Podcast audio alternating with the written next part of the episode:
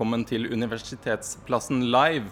Vi sitter i en glassboks midt på Universitetsplassen i Oslo.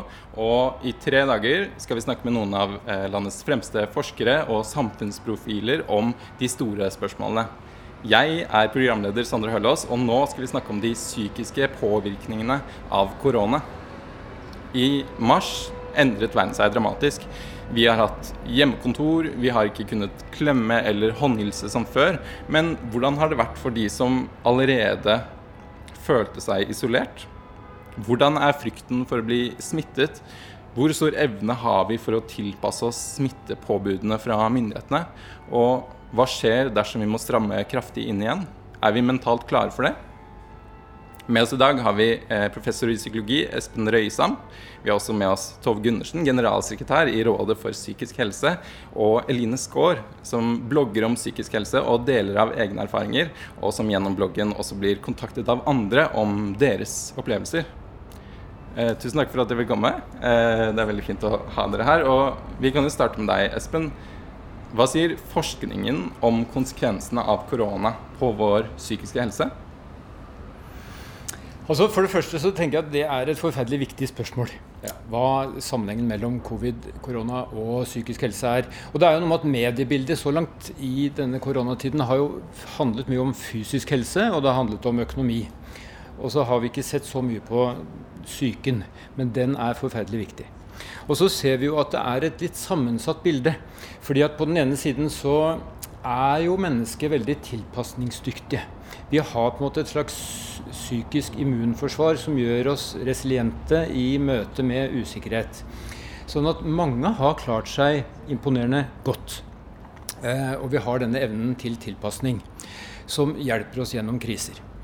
Samtidig så ser vi jo det begynner å komme en del studier, eh, eh, undersøkelser av eh, psykiske plager, symptomer, og vi ser en klar økning i symptomer på psykiske vondter og vansker. Vi ser en økning i bekymringsnivå, ensomhet. Vi ser reduksjon i livstilfredshet. En fersk studie fra eh, Oslo Ungdom, 20 000 ungdommer, eh, publisert i Tidsskrift for Legeforeningen som viste en 20 prosentpoengs reduksjon i eh, andelen som er fornøyd med livet. Så vi ser på en måte klart at her skjer det noe på befolkningsnivå. Og det er all grunn til å tro at også da eh, psykiske lidelser vil øke når vi ser denne forskyvningen i, i befolkningen. Eh, og, og, det innebærer jo også en økt risiko for rusproblemer, søvnvansker, angst, depresjon, og en rekke andre psykiske vondter. Så dette er et veldig viktig tema. Hvordan rammer denne krisen de som er mest sårbare? da? Blir de enda mer eh, Får de enda større problemer? Det, det, som er kanskje viktig, er jo En ting er tallene som viser en økning og en risiko for mer psykiske uh, plager og lidelser. Så er det noe med å forstå mekanismene. Eh, prosessene som skjer. Og Det ene er jo den eh, angsten som genereres av utryggheten. Risikoen for å bli smittet. Eh, bekymringen for at vi ikke har kontroll. Det aktiverer jo angst for mange av oss. Eh, så det er én mekanisme, den direkte. Men så har vi den indirekte som går gjennom sosial distansering og ensomhetsrisikoen. Mange rapporterer økt ensomhet og faller på en måte utenfor sine sosiale nettverk. Og En tredje mekanisme er jo økonomiske vansker. Vi vet at folk blir permittert, de går inn i en økonomisk utrygghet. Eh, og det er jo en stor belastning eh, i manges liv. Og så er det jo dette fraværet av en del av de positive aktivitetene vi har vært vant til. Altså vi, I normaltilstand så får vi daglig påfyll av møter med venner, med kolleger, reiser osv. Mye av det som har vært påfylt tidligere, eh, ikke minst på det sosiale området, har jo blitt redusert. Og jeg tenker Det er veldig viktig å forstå disse mekanismene. Det er ikke bare en direkte effekt fra på en måte utryggheten, men det er via ensomhet, eh, isolasjon, det er gjennom økonomiske problemer, det er fravær av positive aktiviteter. Tove, har dere dere har slått alarm om, om eh, alle de psykiske påkjenningene de siste månedene har, har ført til. Hva har dere Opplever dere at, at, det er større pågang enn før? Ja, det gjør vi definitivt. Eh, jeg er helt enig i at eh, helseangsten berører jo oss alle. Det er på mange måter ingen som slipper unna. Det er jo forventa når ting er uforutsigbart, eh, at vi blir rammet, at vi bekymrer oss. Vi vil vel si det så sterkt at både den fysiske og psykiske folkehelse er satt under press. Men så er det jo sånn at vi tåler det ulikt. Og vi har erfart eh, at eh, hjelpetelefonene eh, som våre medlemsorganisasjoner betjener, de melder om økt pågang. Og det som er synd, er at ikke de klarer å svare på mer enn halvparten av alle henvendelsene. Og så er det jo veldig mange som rapporterer om store problemer, og at de forsterkes bl.a. når aktiviteten i spesialisthelsetjenesten er redusert, og de vanlige sosiale arenaene som de ellers eh, er helt avhengig av for å ha gode liv, som barnehage og skole, studieplasser, og også til dels arbeidsplasser, at vi nå må forholde oss på en annen måte. Hva slags type mennesker er det som tar kontakt med dere? Du, det er alle typer. Eh, alle mennesker eh, har jo eh, en eller annen form for utfordringer knyttet til dette, fordi at det er endringer. De aller fleste klarer seg jo bra i omstillinger, og det har jo Espen akkurat sagt noe om. Men mange av de som tar kontakt, de syns det er problematisk bl.a. med hjemmeskole. Det er ikke alle som klarer å nyttiggjøre seg av digitale medier. Eh, for de fleste så kan det være en dør som åpner seg, men for en del er det faktisk en vegg de møter. Det kan være overgrepsproblematikk, vold, det kan også være selvmordsproblematikk, og mye knyttet til ensomhet og isolasjon. Eh, så det berører eh, svært mange. men det som er veldig utfordrende her, det er jo nettopp hvordan man tilrettelegger for sårbare grupper. Fordi de som har det vanskelig fra før, har det jo verre nå. Og det er jo noe av det som bekymrer oss veldig. Mm. Um, Eline, du jo, du skriver en blogg om, om, um, psykiske, um, om psykisk helse generelt, uh, der du bruker deg selv som eksempel i mange tilfeller. Um, ja, um, hvordan har du opplevd de siste månedene? Åh, kaotisk. Ja. ja. Eh, jeg kommer nok aldri til å glemme telefonen jeg fikk av behandleren min. jeg kunne høre alvoret i, i stemmen hans. Han sa nå blir det en stund til eh, vi kan ses igjen. Og da Da tenkte jeg Altså, hvor skal jeg Hvor skal jeg gå når jeg trenger hjelp? Har du Du du hører jo også fra andre um, andres, uh, om andres problematikk. Hva, det, hva, har du hørt fra andre? Jeg hører jo altså, litt forskjellig. Um, det som går igjen, er ensomheten. Mm. Og det er mange som uh, beskriver det samme som meg. Uh, om hvor kan jeg henvende meg nå, når hele verden brenner. Det er også mennesker som er eh, har veldig frykt for covid-19. Eh, som ikke tør å handle på butikken, som heller handler mat over nett. Og som kanskje har angst i utgangspunktet. Og så bare forsterkes det enda mer.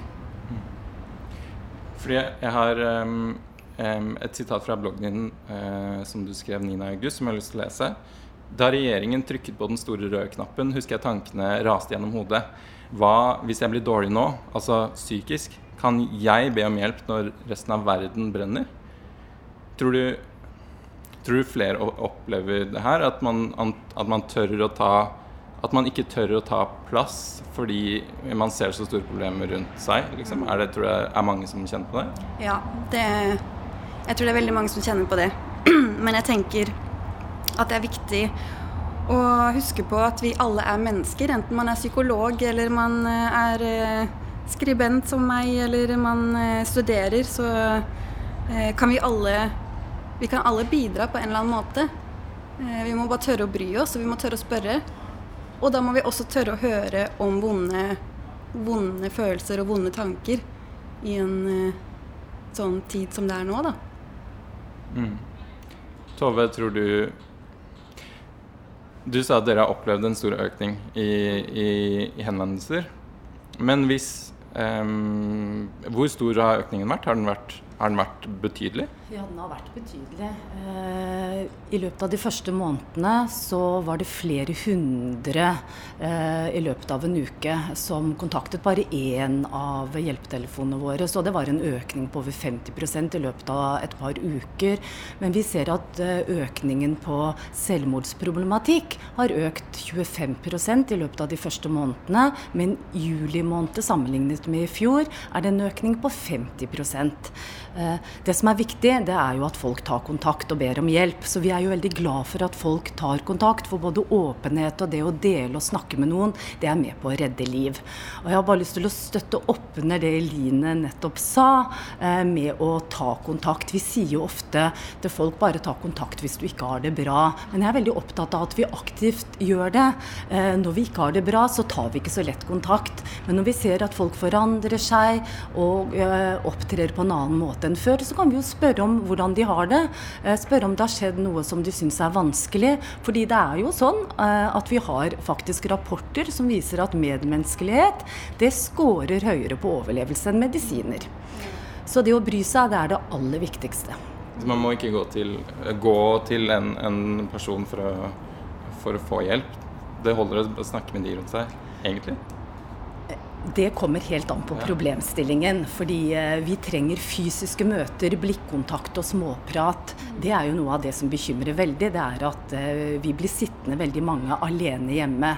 Så det å ha møteplasser er viktig. Også de fysiske møteplassene. Og tilgangen, altså tilgjengeligheten på både eh, kollegaer, studiekamerater eh, og også behandlere er jo viktig. Altså det er viktig med tilgjengelighet at hjelpen er der når det er behov for den. Ja. Jeg eh, ble jo kanskje mest skremt fordi de ytre tingene som jeg har brukt som mestringsarenaer, ble borte. Eh, og hva gjorde det med meg? Altså, jeg måtte jo tenke annerledes, prøve å være kreativ. Eh, jeg f.eks. går på kafé nesten hver eneste dag eh, og finner mye trøst og, og glede i det. Men eh, når de ble stengt ned, så måtte jeg lage mine egne kafeer. Um, men jeg tenker det er mye man kan gjøre. Men jeg, noe jeg syns kanskje mest, har vært mest utfordrende med denne perioden og med korona, er uforutsigbarheten. At vi ikke vet hvor lenge skal vi holde ut. For mennesker er gode på å holde ut. Men hvor lenge vil det vare, og hvordan skal det se ut? Hadde vi visst at det var for en måned eller for et år, så kunne vi kanskje uh, lettere jobbe med måter å håndtere det på. Ja, for hvor gode er mennesker til å liksom holde ut i en situasjon? Hvor lenge kunne vi holdt ut og vært, hatt en sånn total nedsending som vi hadde en, i noen måneder i, i våres? Jeg, jeg, tenker det, det, er veldig viktig det Eline og Tove sier. og Det er noe med at vi er så forskjellige, og vi har så forskjellige behov. Og har det i ulike perioder av livet. Så det er jo noe med at i dag så er det noen av oss som er fullstendig ubekymret og kanskje har for lite uh, bekymring og stress, og av den grunn ikke følger smittevernrådene. Så er det en del som har på en måte en funksjonell angst, som er funksjonell i den forstand at det gjør at vi tar forholdsregler og beskytter oss og beskytter andre og tar vare på andre. Og så er det mange som får økt angstnivå eh, og problemer og har behov for hjelp, og opplever at hjelpen blir mindre tilgjengelig. Eh, sånn at Gjennomsnittsmennesket fins på en måte ikke.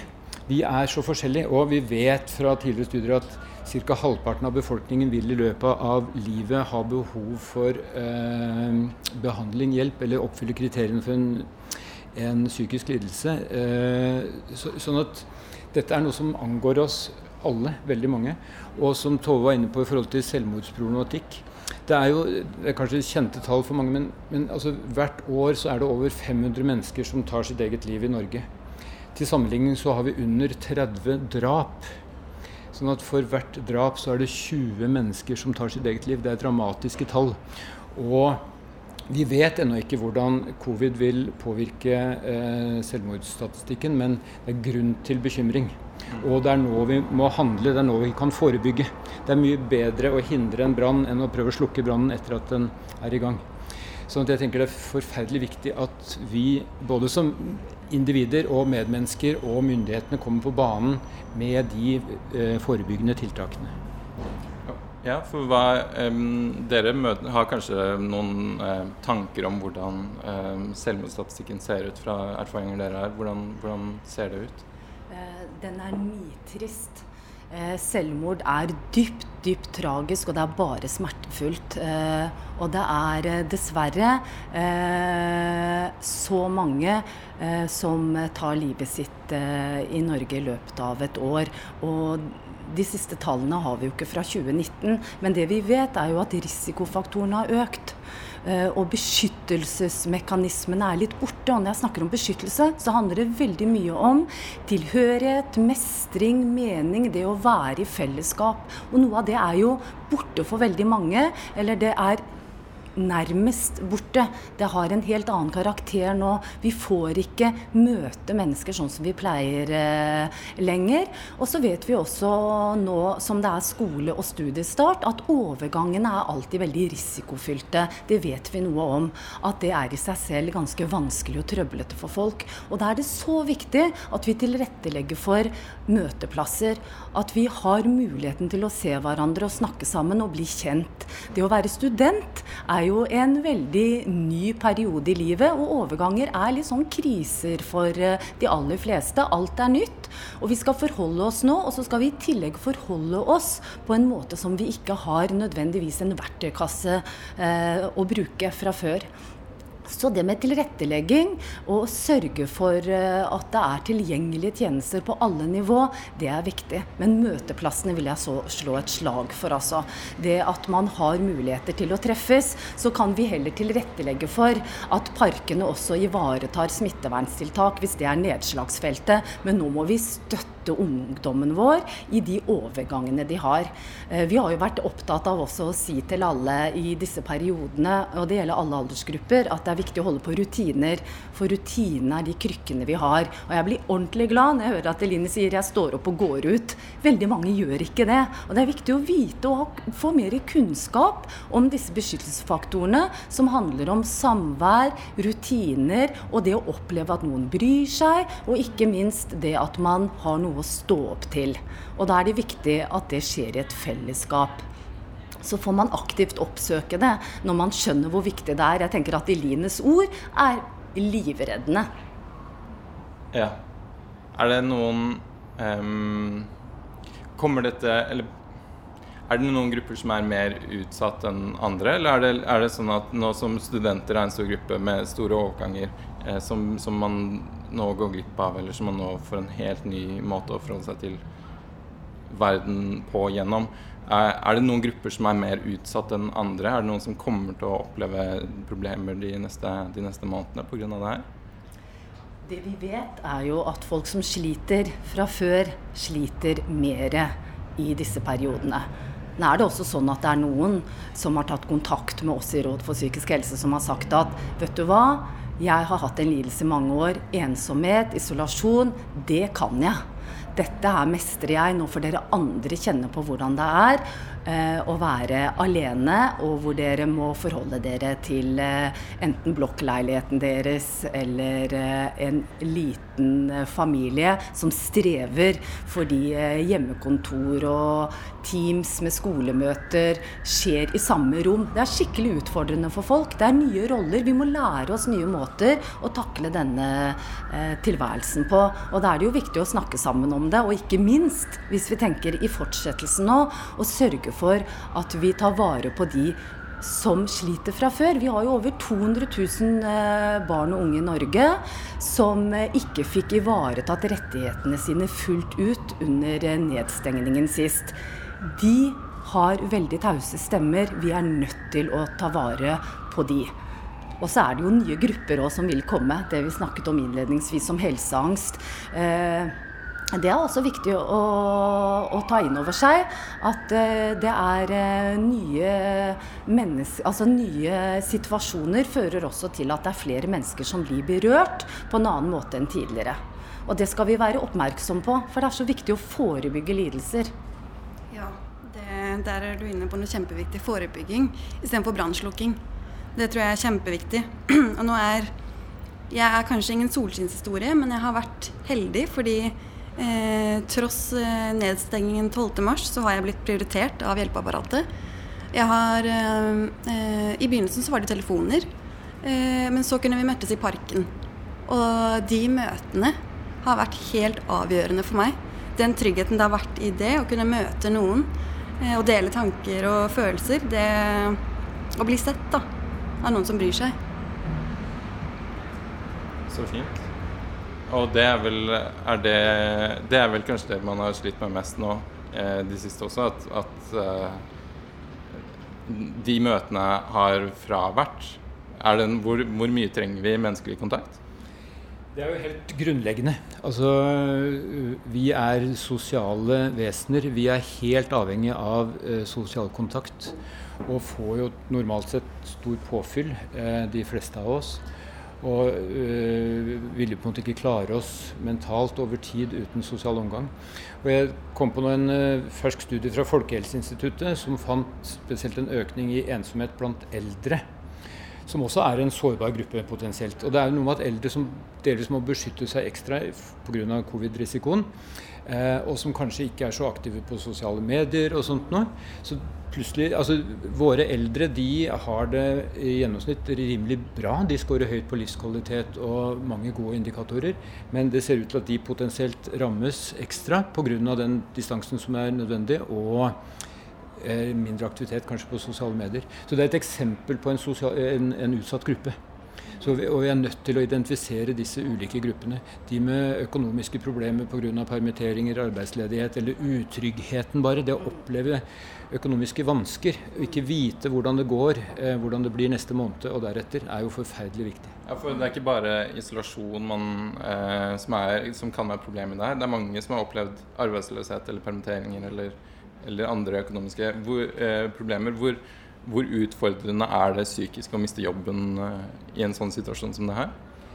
Det gir jo både en utrygghet på om man klarer seg, selv om vi har på en måte en velferdsstat som tar vare på folk, så betyr det en reduksjon i inntekt. Og hvis man har lånt eh, masse for å skaffe seg den boligen man må ha, så sitter man der og så må man selge, og så vet man ikke hvordan det skal gå.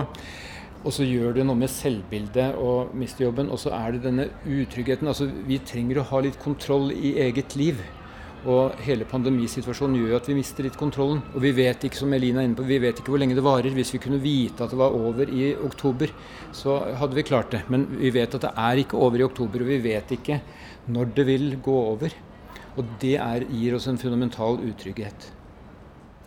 Ja, og det er jo en um, De siste dagene har det også vært um, større problemer knytta til, til liksom den medisinske siden ved det her, at folk blir syke og flere blir syke. Hvordan Hvis man nå hadde tenkt seg da at vi, at vi må stenge ned på samme måte som vi gjorde, hvordan hadde vi takla det som mennesker? Hadde, vi, hadde det gått fint? Tror du det? Tove? Det tror jeg ikke. Jeg tror ikke det har gått jeg tror ikke det hadde gått fint for noen. Eh, noe av det vi har erfart, er eh, folk som har sagt eh, 'jeg har det bra', eh, og når det kommer til stykket, så sier de kanskje noen dager etterpå 'det var en løgn, jeg har det ikke noe bra'. Så for det første så tror jeg det er viktig at vi erkjenner det, og at det er helt innafor å si fra om det. Vi blir alle berørt. Sett ord på det. Det er eh, første bud. Det er viktig å gjøre. Samtidig så er det sånn at vi kommer eh, til å tåle ganske dårlig eh, og ikke skulle eh, få en høst hvor vi har muligheter eh, til å bygge god psykisk helse. Vi, vi, kommer ikke til å tåle det så godt. De aller fleste tåler det bra, men det er veldig mange som ikke gjør det. Og alle blir litt berørt. Noen blir det veldig. Så vi må sikre oss at vi har både møteplasser og tilgjengelige tjenester. Og så må vi også ha et budskap som handler om at det er viktig å be om hjelp. Fordi de aller fleste får det hvis de ber om det, og det er ikke noen problemer som er for små til å ta opp. Eh, og det er viktig å si høyt, fordi erfaringene fra i våres var jo at folk tenkte at det jeg sliter med er ikke stort nok til å be om hjelp. Det kunne være både fysiske og psykiske plager. De ba ikke om det fordi de ikke ville ta plass. Og det er jo så typisk norsk. For det første så er vi vår strengeste dommer. Det tror jeg er ganske internasjonal følelse, for å si det sånn.